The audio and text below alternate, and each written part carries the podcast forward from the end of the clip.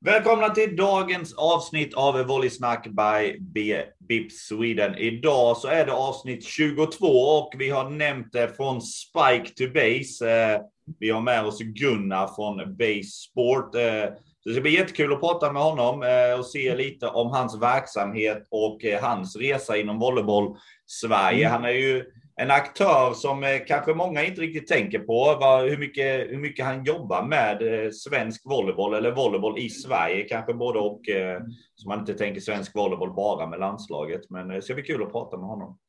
Innan dess, hur står det till idag Tony? Det är, ja, men det är bra det är bra. Det är, det, vi är lite, o, jag tycker vi är, vi är lite orytmiska här med, med programmen nu. Nu har vi ju ett program som kommer nästa vecka också och så här så att eh, vi ska väl snart hitta rytmen igen. Va? Eh, vi sa varannan vecka, men eh, nästa vecka måste vi köra för då är det ju då är det slutspelet som startar igång. Så att eh, jag, jag, jag, är lite sådär rastlös. Jag, jag, vill att det ska komma igång, va? men nu kör vi lite för ofta. Men, men ja. låt oss göra det. Nej, det blir lite så med schemaläggning och, och eh, vardag ja. också. Men ja. eh, vi får väl hålla det lite sådär spännande för tittarna att ja. det kommer lite då och då. Så. Ja, precis. Eh, bonusavsnitt eller inte. Men du, innan, innan vi går in till Gunnar så, så måste vi faktiskt ta upp någonting som, som påverkar i hela världen eller framförallt Europa med, med mm, Rysslands eh, invasion och så vidare. Hur, hur ser det ut i, i volleybollvärlden? Nej, men jag, det, jag, jag eh, ja, det är väl bra att folk börjar sätta fötterna ner nu. Va? Eh, och det har väl FAVB gjort också i stort sett. Eh, att man har uteslutit eh, Ryssland och Belarus nu och tagit VM ifrån dem. Men jag vet inte vad som är sagt i slut. Men jag, jag har ju varit från början tyckt liksom att bort med dem helt tills man vet att att vi har en annan ledare där och de har lämnat Ukraina.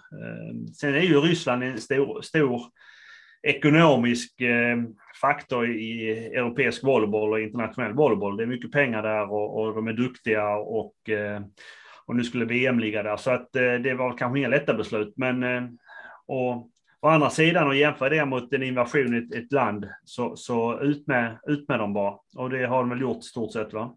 Ja, har det varit något snack eh, som du har sett i media? Jag har inte sett någonting om volleybollen om neutral flagg eller flagga eller något sånt där. Utan det, ja, det, bör, det börjar ju lite där. Det börjar ju lite där att man, man, man eh, med steg för steg. Och det gjorde egentligen alla alla de stora förbunden, liksom, att man tog Och jag kan inte förstå det, vad, vad politik man kör, utan det är väl bara att sätta ner foten och säga att de är ute.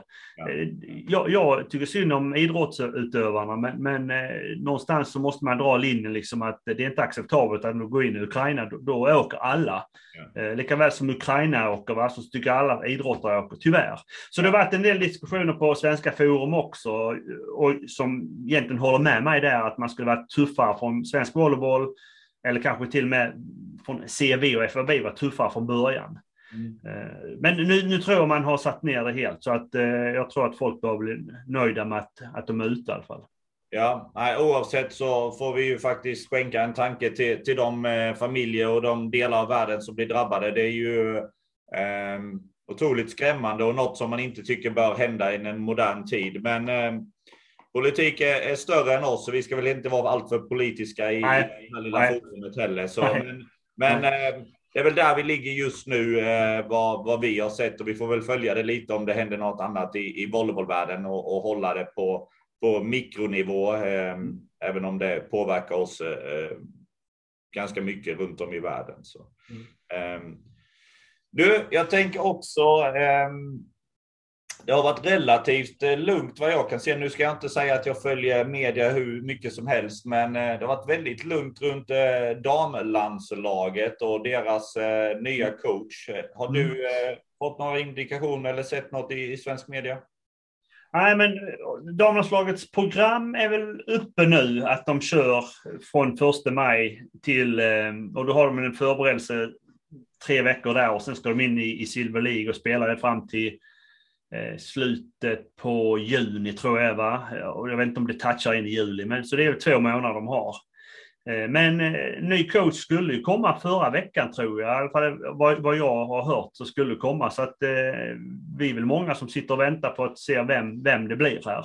Mm. Det finns spekulationer men, men inga namn, direkta namn som, utan vi väntar och ser. Mm. Vi kan väl se om några tittare skulle kunna kommentera på våra sociala medier också. Vem, vem skulle ni vilja se som som landslags eh, eller kapten eller förbundskapten. Eh, och eh, vem tror ni att det blir? Det har varit kul att få lite, lite information där vad, vad, vad folket önskar eller tycker. Är det någon som vet något? Ja, det kan väl till och med någon som sitter där. Se om Simon kan kolla på så han kan lägga en liten kommentar. Nej, det tror jag inte. Det hade varit kul. Vad, ja. Vi går in och pratar med Gunnar om ja. Spike till base. Vad, vad har vi framöver? Eh, nästa vecka har vi ju ett avsnitt om slutspel, va?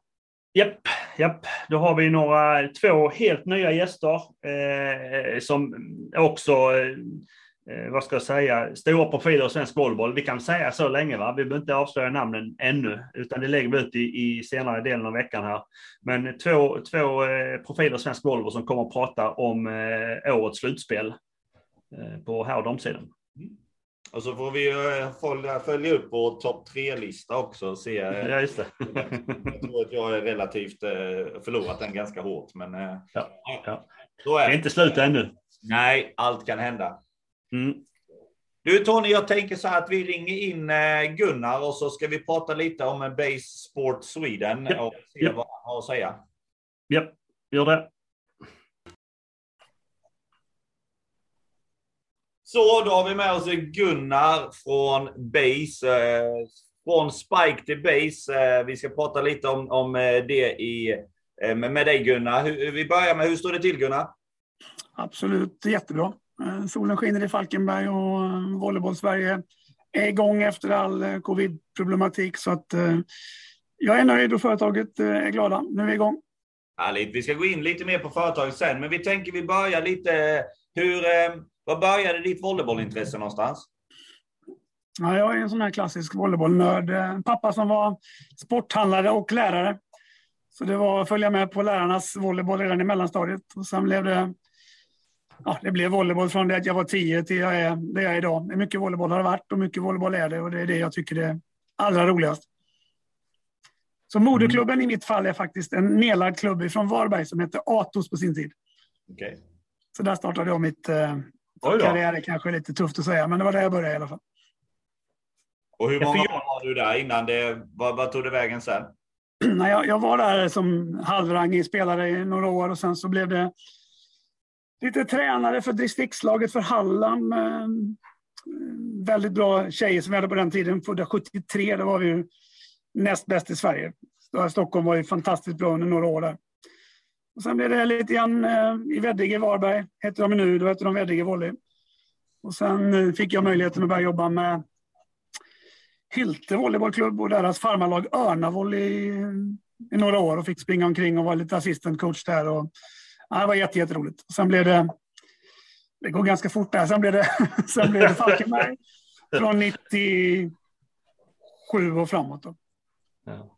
Så jag har tränat eh, pyttesmå och jag har tränat eh, långa stora. Så att, eh, både tjejer och killar. Och jag slutade som volleybolltränare faktiskt förra året. Då hade jag gjort 30 år. Då tyckte jag att eh, nu kan jag med hedermål känna att nu får nästa generation kliva in. ja ja, det låter bra. Nej, men, men eh, eh okej, okay, vi, vi, eh, du drog hela vår eh, första sekvens här, men det var ju bra ju. Va, va, om vi bara tittar på vi lämnar volleybollen från din sida och tänkte titta mer på basesport. Så, så vad, hur blev det base, basesport?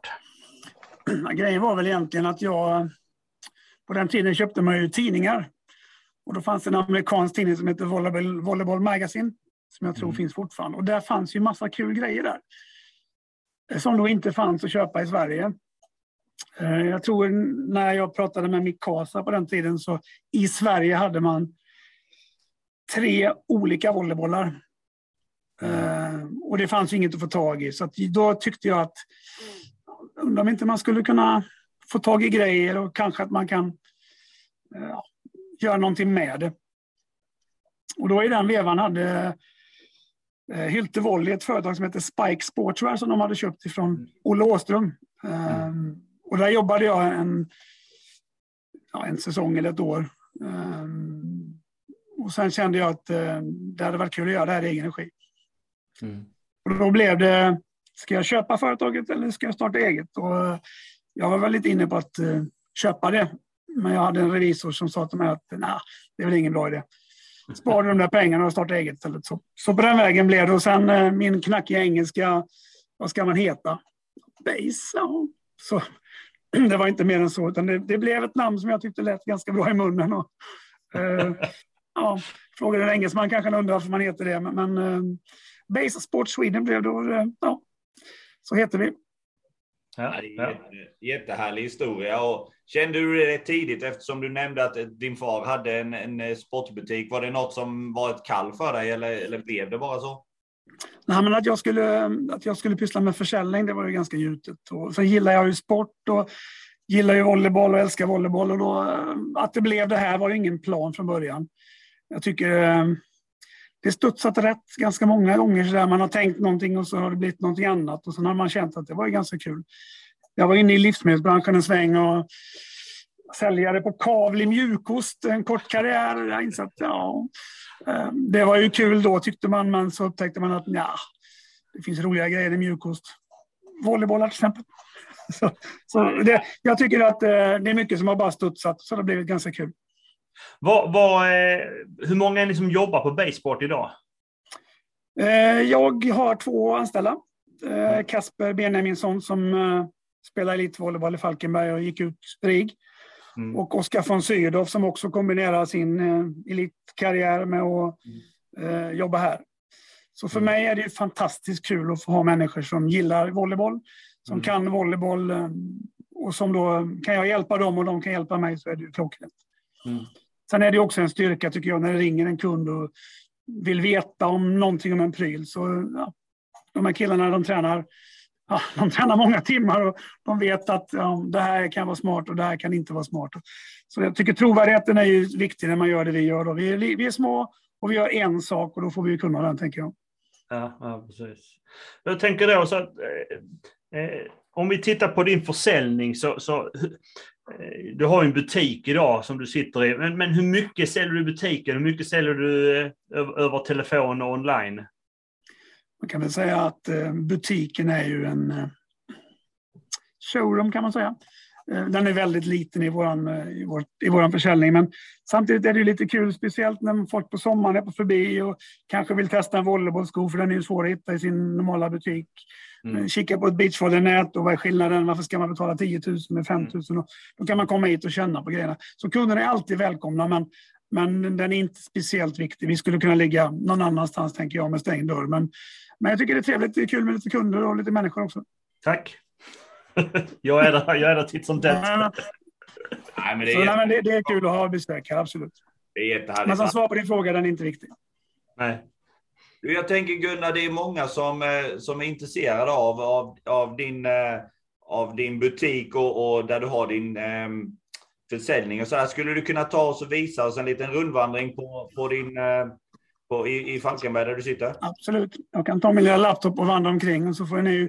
Nu ser jag inte så bra för jag får ju vända den om, men ni kan väl äh, hjälpa mig att fortsätta med lite grann då. Mm. Här har vi vår lilla bollvägg med alla Kasa-bollar. Yeah. Då kliver jag igenom här så kommer vi i lite stil. Där har vi det stora rummet. Gillar man volleyboll och volleybollgrejer så, så är ambitionen att vi ska ha det som man, eh, som man behöver för att spela volleyboll. Mm. Och sen tar vi oss friheten att tycka att vissa grejer är bättre och sämre. Då. Och till exempel här, om, om ni ser lite skor, så har vi valt japanska varumärken. Och Asics och Mizuno. Och det är väl egentligen att vi, vi tycker att de är väldigt bra. Mm. Ringer man till vår kundtjänst, då sitter vi här. Okay. Eller står här. Är det de äldre som står och de yngre som sitter? Eller? Ja, men lite så kan man säga. De är keps, de sitter ofta. Så här har vi 100, 140 kvadrat med kombinerat kontor och, och utställning. Och eh, eftersom affärsidén är att vi ska vara snabba och vi ska ha grejer så eh, då ska det ligga på lager. Ja. Så här har vi, eh, ja, vi har väl en 4-5 tusen inomhusvolleybollar just nu på lager och några tusen beachbollar. Hur många bollar säljer du om året? Ja, det är några stycken. men äh, absolut, vi säljer mycket volleybollar. Vi ska ju komma ihåg att är en, vi är ju en liten sport i Sverige, men, men vi jobbar även med skolmarknaden. Vi har våra återförsäljare där och det, det är ju lite annat än volleyboll. Det kan ju vara mm. handbollar, och fotbollar, och dodgeball och annat. Mm. Och lite stökigt här nu för vi håller på att bygga om för att få plats med en liten truck. Så här har vi 144 kvadrat äh, med bollar och nät och vad man behöver. Passa mål kom in igår. Så mm. tänkte jag vi vandrar upp. Väljer ni till, till närliggande länder också eller är det bara Sverige i stort sett? Ja, vi jobbar eh, uteslutande i Sverige och sen har vi ett, ett samarbete med ett norskt bolag som heter Mika Sport. Okay.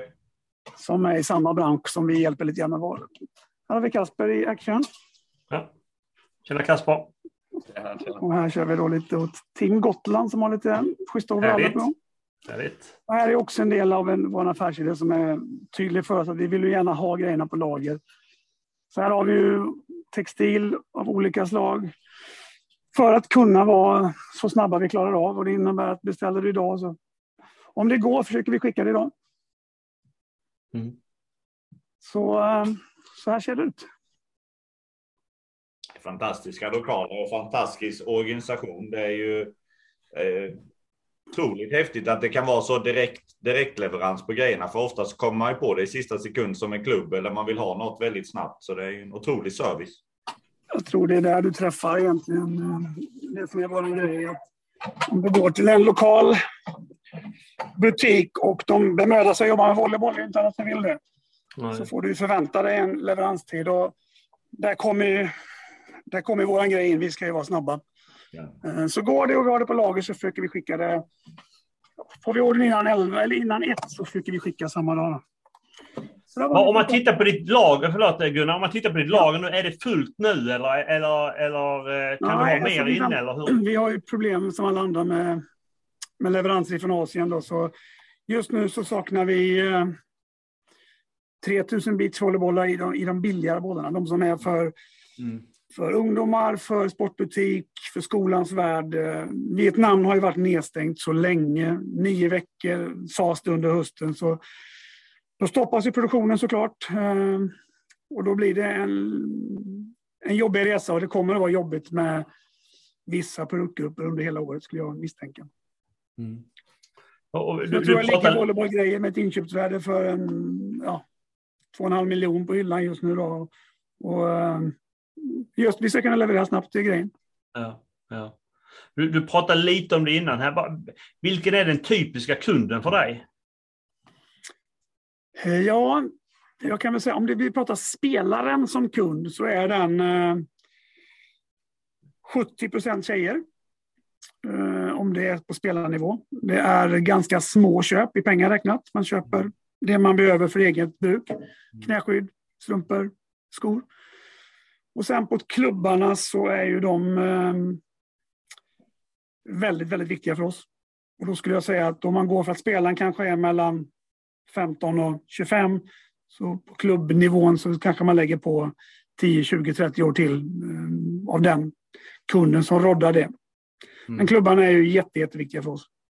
Ja. Och sen nu när vi kommer in mot sommaren då kan det vara eh, alla möjliga typer av kunder. Det kan vara kommuner som ska ha ett nät vid ett bad eller det ska vara en kommun som kommer på att beachvolleyboll kan vara trevligt vid en badplats och sådär. Så, då är det en annan typ av kund.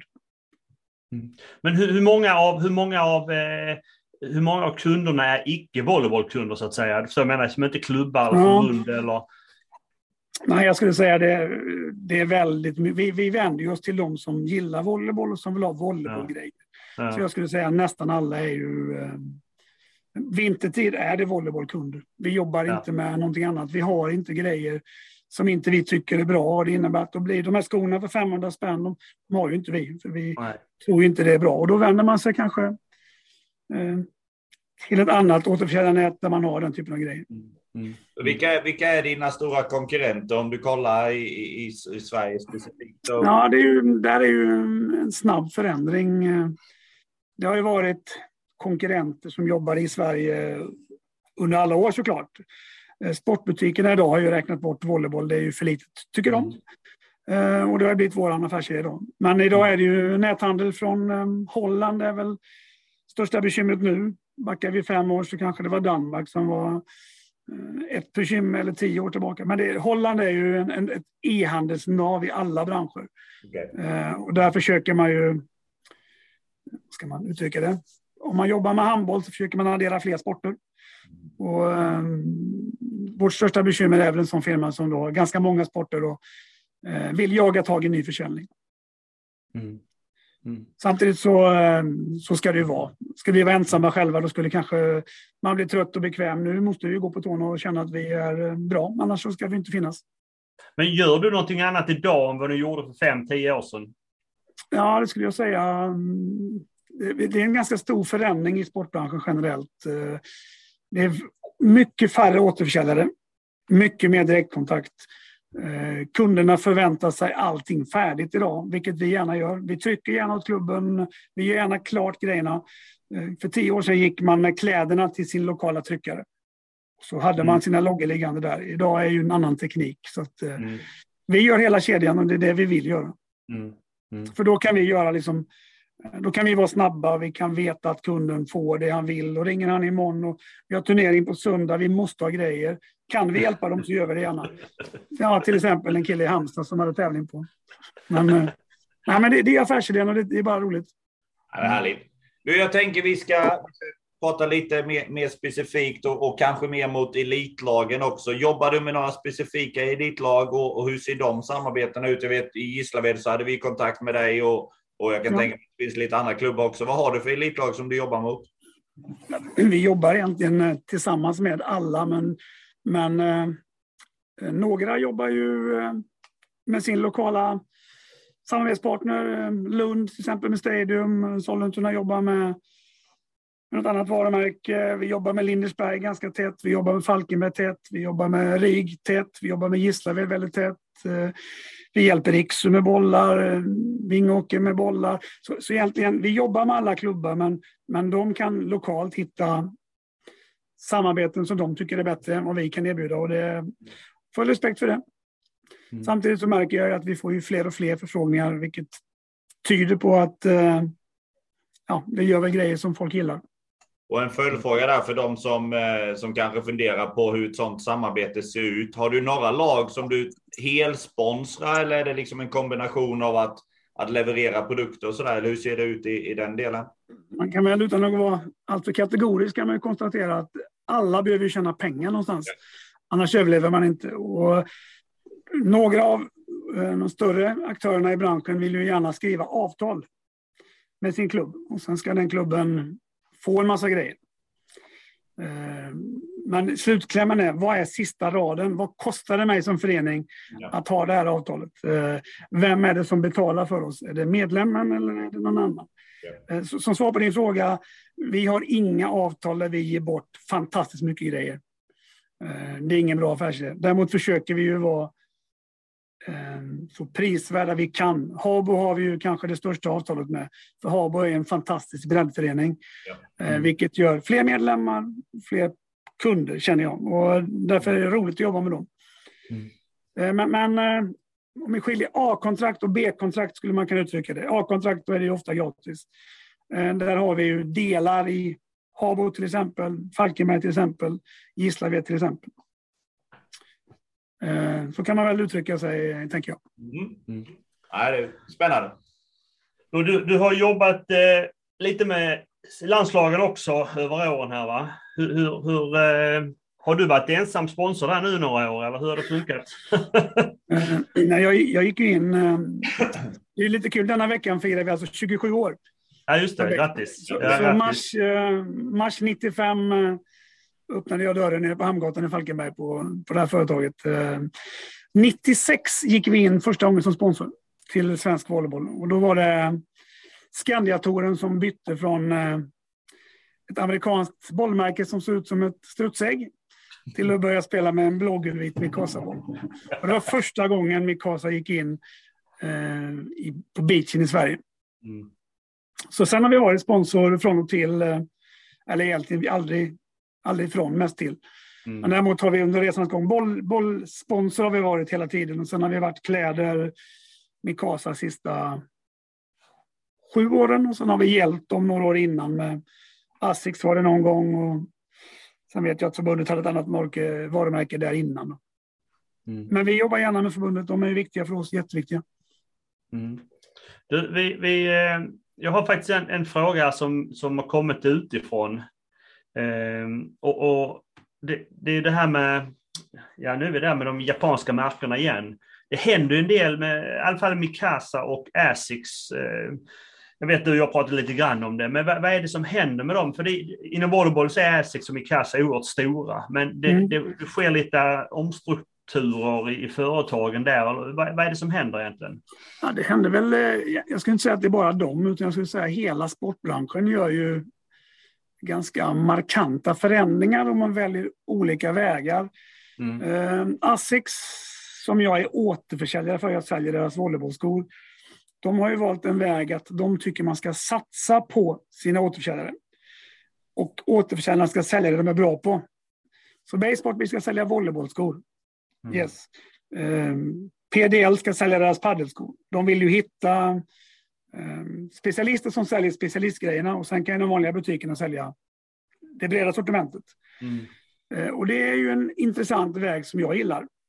För då kan ju konsumenten gå in på en löparbutik och få löparskor. Mm.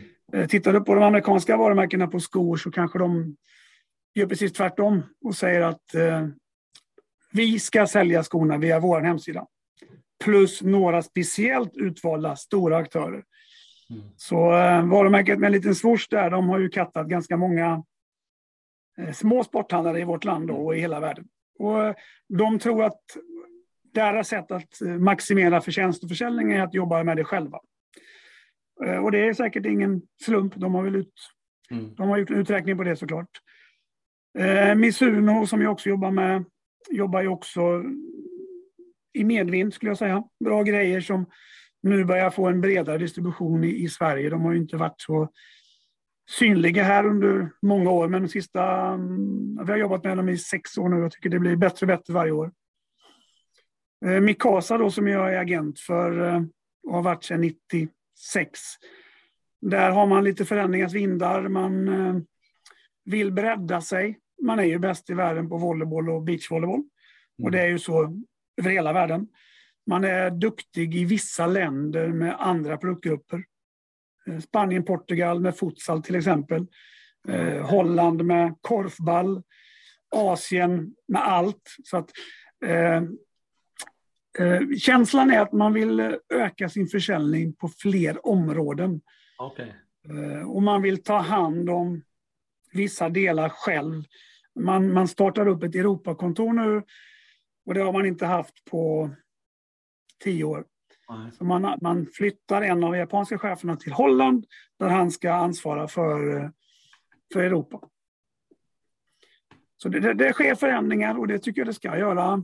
Eh, även om det är lätt att bara tycka att det är bra som det är. Mm. Men eh, våra konkurrenter vill ju också in och ta marknadsandelar, så det är väl klokt att man kommer nära marknaden.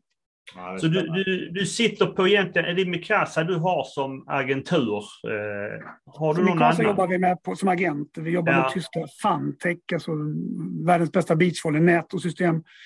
Eh, jobbar vi med i Sverige. Vi har eh, Spektrum beachvolley-nät från Megaform i Belgien. Eh, och några sådana skumma grejer som vi gillar. Sandstrumpor från eh, Kalifornien till exempel. Där borta för att det är för varmt, här för att det är för kallt. Så, så är det volleybollgrejer som, som jag tror kan uppskattas i Sverige. Då tar jag gärna hit dem. Mm. Alltså, sen är inte alla lönsamma, men de är roliga. Men så är det din eh, Crossnet för några, ja, månader sedan. Det är ju eh, jättekul spellek. Ja. Eh, men alltså, vi tar ju hem passarmål från, från Polen nu då. Mm. Eh, betalar 770 euro i frakt. det är ju en skitdålig affär, men samtidigt så tycker jag, ska vi säga att vi är volleybollspecialister så måste vi ha grejer. Eh, vi jobbar med någon italiensk tillverkare på lite specialgrejer. Vi säljer bollmaskiner. Eh, det är inte de vi blir rika på, men, men samtidigt så ska vi... Vi måste ju kunna hela kedjan tycker jag. Mm. Du, vi nämnde... Hittar vi något kul så vill vi gärna lägga till det. Ja, ja, ja, jag skickar till dig. Ja, men du Daniel, har, har, du inget kul från USA? Skicka hit. Jo då, vi, kan, vi kan prata efter kameran sen. Jag har lite idéer. ja, det är bra. Du, vi, ska, vi ska bara nämna det lite. Vi pratade om det lite grann. Pandemin har ju påverkat oss alla. Hur, eh, hur skulle du säga att det påverkade er? Du nämnde lite med, med transporterna där. Är det något annat direkt som du ser som ett resultat från, från pandemin? Alltså, man kan väl säga att vi märkte, och jag, jag märkte hösten 20 hade svensk volleyboll i början en riktig skjuts. Alltså det kändes som att jäkla vad roligt. Det, det pratades volleyboll och det pratades, många ville börja spela. Så tidig höst 20 män märkte jag att jäklar. Mm. Och sen kom pandemin och bara la ett lock på. Eh, klubbarna var lite driftiga där och försökte få, få ut ungarna. Så högt upp sålde vi snovolleybollar och man ja, sålde grejer. För att man ville ha kvar dem och det var häftigt. Ja. Sen eh, tyckte jag våren 21 började lossna lite grann igen. Och sen så blev det ju eh, en repris egentligen hösten la sig tungt. Mm. Och inga ungdomstävlingar. Vi kunde inte åka och träffa kunder på Mikasa Challenge eller Jönköping och sådär. Så, eh, 21 blev väldigt, väldigt bra i försäljningsmässigt, okay. men det var mycket grejer som, som inte vi brukar sälja som kom då. 22 eh, nu tycker jag det känns eh, som att hela rörelsen är igång igen. Det är mycket positiva signaler från Stockholmsregionen. Norrland är starkt. Eh, det puttrar liksom inne i Västergötland. Det är många ställen jag tycker det går bra. Det måste du känna med Tony som, mm. som drar kurser och sådär. Att det är lite drag igen. Mm, jo, och vi är på, på väg tillbaka. Så att, Eh, Ehm, jag hoppas på att någon måste sparka på också. Vi kan inte bara hoppas att det kommer av sig själv, utan där hoppas jag att vi kan eh, jobba på många fronter, liksom, att lyfta det här. Så att, eh, jag upplever att svensk volleyboll mår bättre än på länge.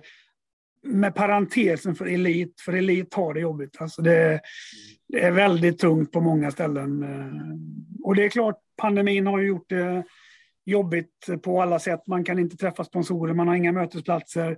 Man internt i klubben har svårt att träffas. Så att, eh, det är nog lätt att hitta ett antal eh, skäl till varför det är som det är. Mm. Nej, men, vi ska inte prata om det jättenu, men vi hade faktiskt eh, pratat lite svensk volleyboll med dig. För du är ju också någon typ av eh, vad ska jag säga, du märker ju när volleybollen går upp och när den går ner, för då säljer du mer eller mindre eftersom du är så pass själv. Och, och... Jag, jag, tycker det känns som att de här spröten mm. eh, tycker jag man har genom årens lopp fått känna, eller man har lärt sig känna igen mönster och man mm. ser, när Norrland till exempel tog ett grepp för ett antal år sedan att vi mm. måste tillsammans göra saker. Mm. Eh, då kände jag ju att oj, nu händer det grejer. Nu är det ett antal jäkligt duktiga ledare i Stockholmsregionen i olika klubbar. Med, med Täby, Hästhagen, Solna till exempel. Mm. Och man känner att nu, nu lyfter det där borta. Ja. Ja, nej, jag, jag, jag håller med och jag, jag håller med i det. Eh, sen kan vi ju, vi har ju några tunga pjäser ute nu med Isabelle och damlandslaget och David, och David och Jonathan som drar rätt så mycket. Eh, mm, nej, men det, det, det ser väl OK ut tycker jag. Jag tycker att det känns eh, spännande. Jag tycker det känns bra. Jag hoppas att man tar beslut eh, framåt nu när man får lite energi, eller rörelsen får energi. För jag tycker att det känns eh, positivt. Ja, nej, det tror jag också. Och jag håller med dig du säger. Man måste ha beslut som, som drar det framåt nu eh, också. För att eh, eh, ja, det finns saker att göra där om man säger så. Ja. Du, Gunnar. Men det är kul. Man måste ha saker ja. ja, ja, absolut. Jag fick faktiskt ett, eh, det var en som frågade vad jag gjorde. Jag sa att jag satt i ett samtal med dig. Så jag fick en fråga här, eh, en live-fråga. Det är nog första Oj, Spännande. Du, frågan var så här, fråga honom om han tror att vi kommer komma mer till individuell sponsring och så skriver han vidare att många superstjärnor som Isabella Haak eller i basketboll mm. eller hockey har ju en individuell sponsor. Man sponsrar kanske en spelare i ett lag. Har det varit på tapeten någon gång? Det är en ganska intressant fråga. Det låter faktiskt som en initierad frågeställare. För det, ja, det, är precis, det är precis det som händer nu. Uh, Asics som, som jag har jobbat med i alla år ändrade ju sponsorpolicy i Europa inför förra hösten. När man går från lagsponsring som har varit populärt i många europeiska lag där man liksom signar på skomärket på, på det här gänget till att man eh, pinpointar spelare. Mm. Man, man tar eh, några väldigt bra spelare, Volci, Imoko, man tar Leon en period till exempel för Asics då. Så talar man om att det här är våra ambassadörer. Och, mm. eh, det gör Asics väldigt tydligt. Vi ser ju tyska Adidas har gjort det väldigt tydligt även i volleyboll eh, några mm. år. Och sen de, klart i de andra stora sporterna. Där man sparkar på bollen, det har man ju haft i många, många år. Men mm. för mig är det tydligt att det sker i, i um, volleyboll också. Mm. Mm. Ta uh, Bruno Passan, brasilianska brassan, han är enda spelaren i Europa som spelar med, med ett skomärke från Brasilien såklart. Då, så att det, det är tydligt. Vad, vad heter det? Ja, vad heter det brassemärket? Ja, för vi fick ju med FAVB, vi hade ju Adidas under många år. Helt plötsligt när eh, han maffiabossen eh, Grasa kom, då bytte han ju till brasilianska märket. Det jävla skitmärke som grejerna, de håller inte liksom i, i, i eh, tvätten och sådana här grejer. Jag um, borde kunna det, men jag passar på det. Uh. men, men det finns ju så jäkla mycket varumärken, men det är ju så få som tar volleyboll på allvar. Mm. Så därför tycker jag det är kul att jobba med dem som, som precis som jag tycker volleyboll är grejen. Mm. Mm. Så när jag sitter nere i Italien till exempel och träffar de som pysslar med den textil vi säljer så då, då, är det ju 10 kilometer bort till Imokos eh, elitlag. Och det, är, det är norra Italien, man, man pratar bara volleyboll. Det enda som är intressant är Perugia, hur gick det för dem i helgen? Och, eh, Padova och de sponsrar liksom topp tre-lagen i Italien. Så det, mm. De är kul att jobba med. Mm. Mm. Mm. Ja, Jaha, är det någonting vi har missat här, Daniel? Um, jag tänker att vi kanske kan avsluta med en fråga om, uh, det har ju gått jättebra. Sveriges damlag gjorde ju fantastiskt. Vad, vad har du för tankar om svensk volleybolls framtid? Bara lite liten enkel fråga så på, på avslutningsvis. Eh, landslagen är jättespännande, jättekul. Ehm, men det som är viktigt för mig är att det blir fler. Mm. Och jag tror att damlandslaget och grabbarna i beachens framgångar just nu gör att fler unga vill börja lira. Mm. Eh, men vi måste kunna ta emot dem och känna att vi är en, en eh, sport att räkna med. Och där tror jag vi har eh, saker att göra bättre. Mm. Men jag, alltså, jag, vi är på uppgång, absolut. Vi är en sport som har allt det som efterfrågas, tänker jag. Mm. Härligt, härligt. Och om det sitter någon eh, klubb eller någon här som vill eh, kanske beställa från dig eller få kontakt med dig, hur, eh, hur, hur når de dig? Basesport.se såklart. Och vi ring, ring gärna. Vi är här fram till fyra på telefonen. Vi jobbar längre, men då stänger vi ner växeln. Härligt. Tusen tack Gunnar. Har du något avslutande? Tack själva. Ha det så jättebra. Tack så du ha Gunnar. Vi tack. hörs. hej. hej.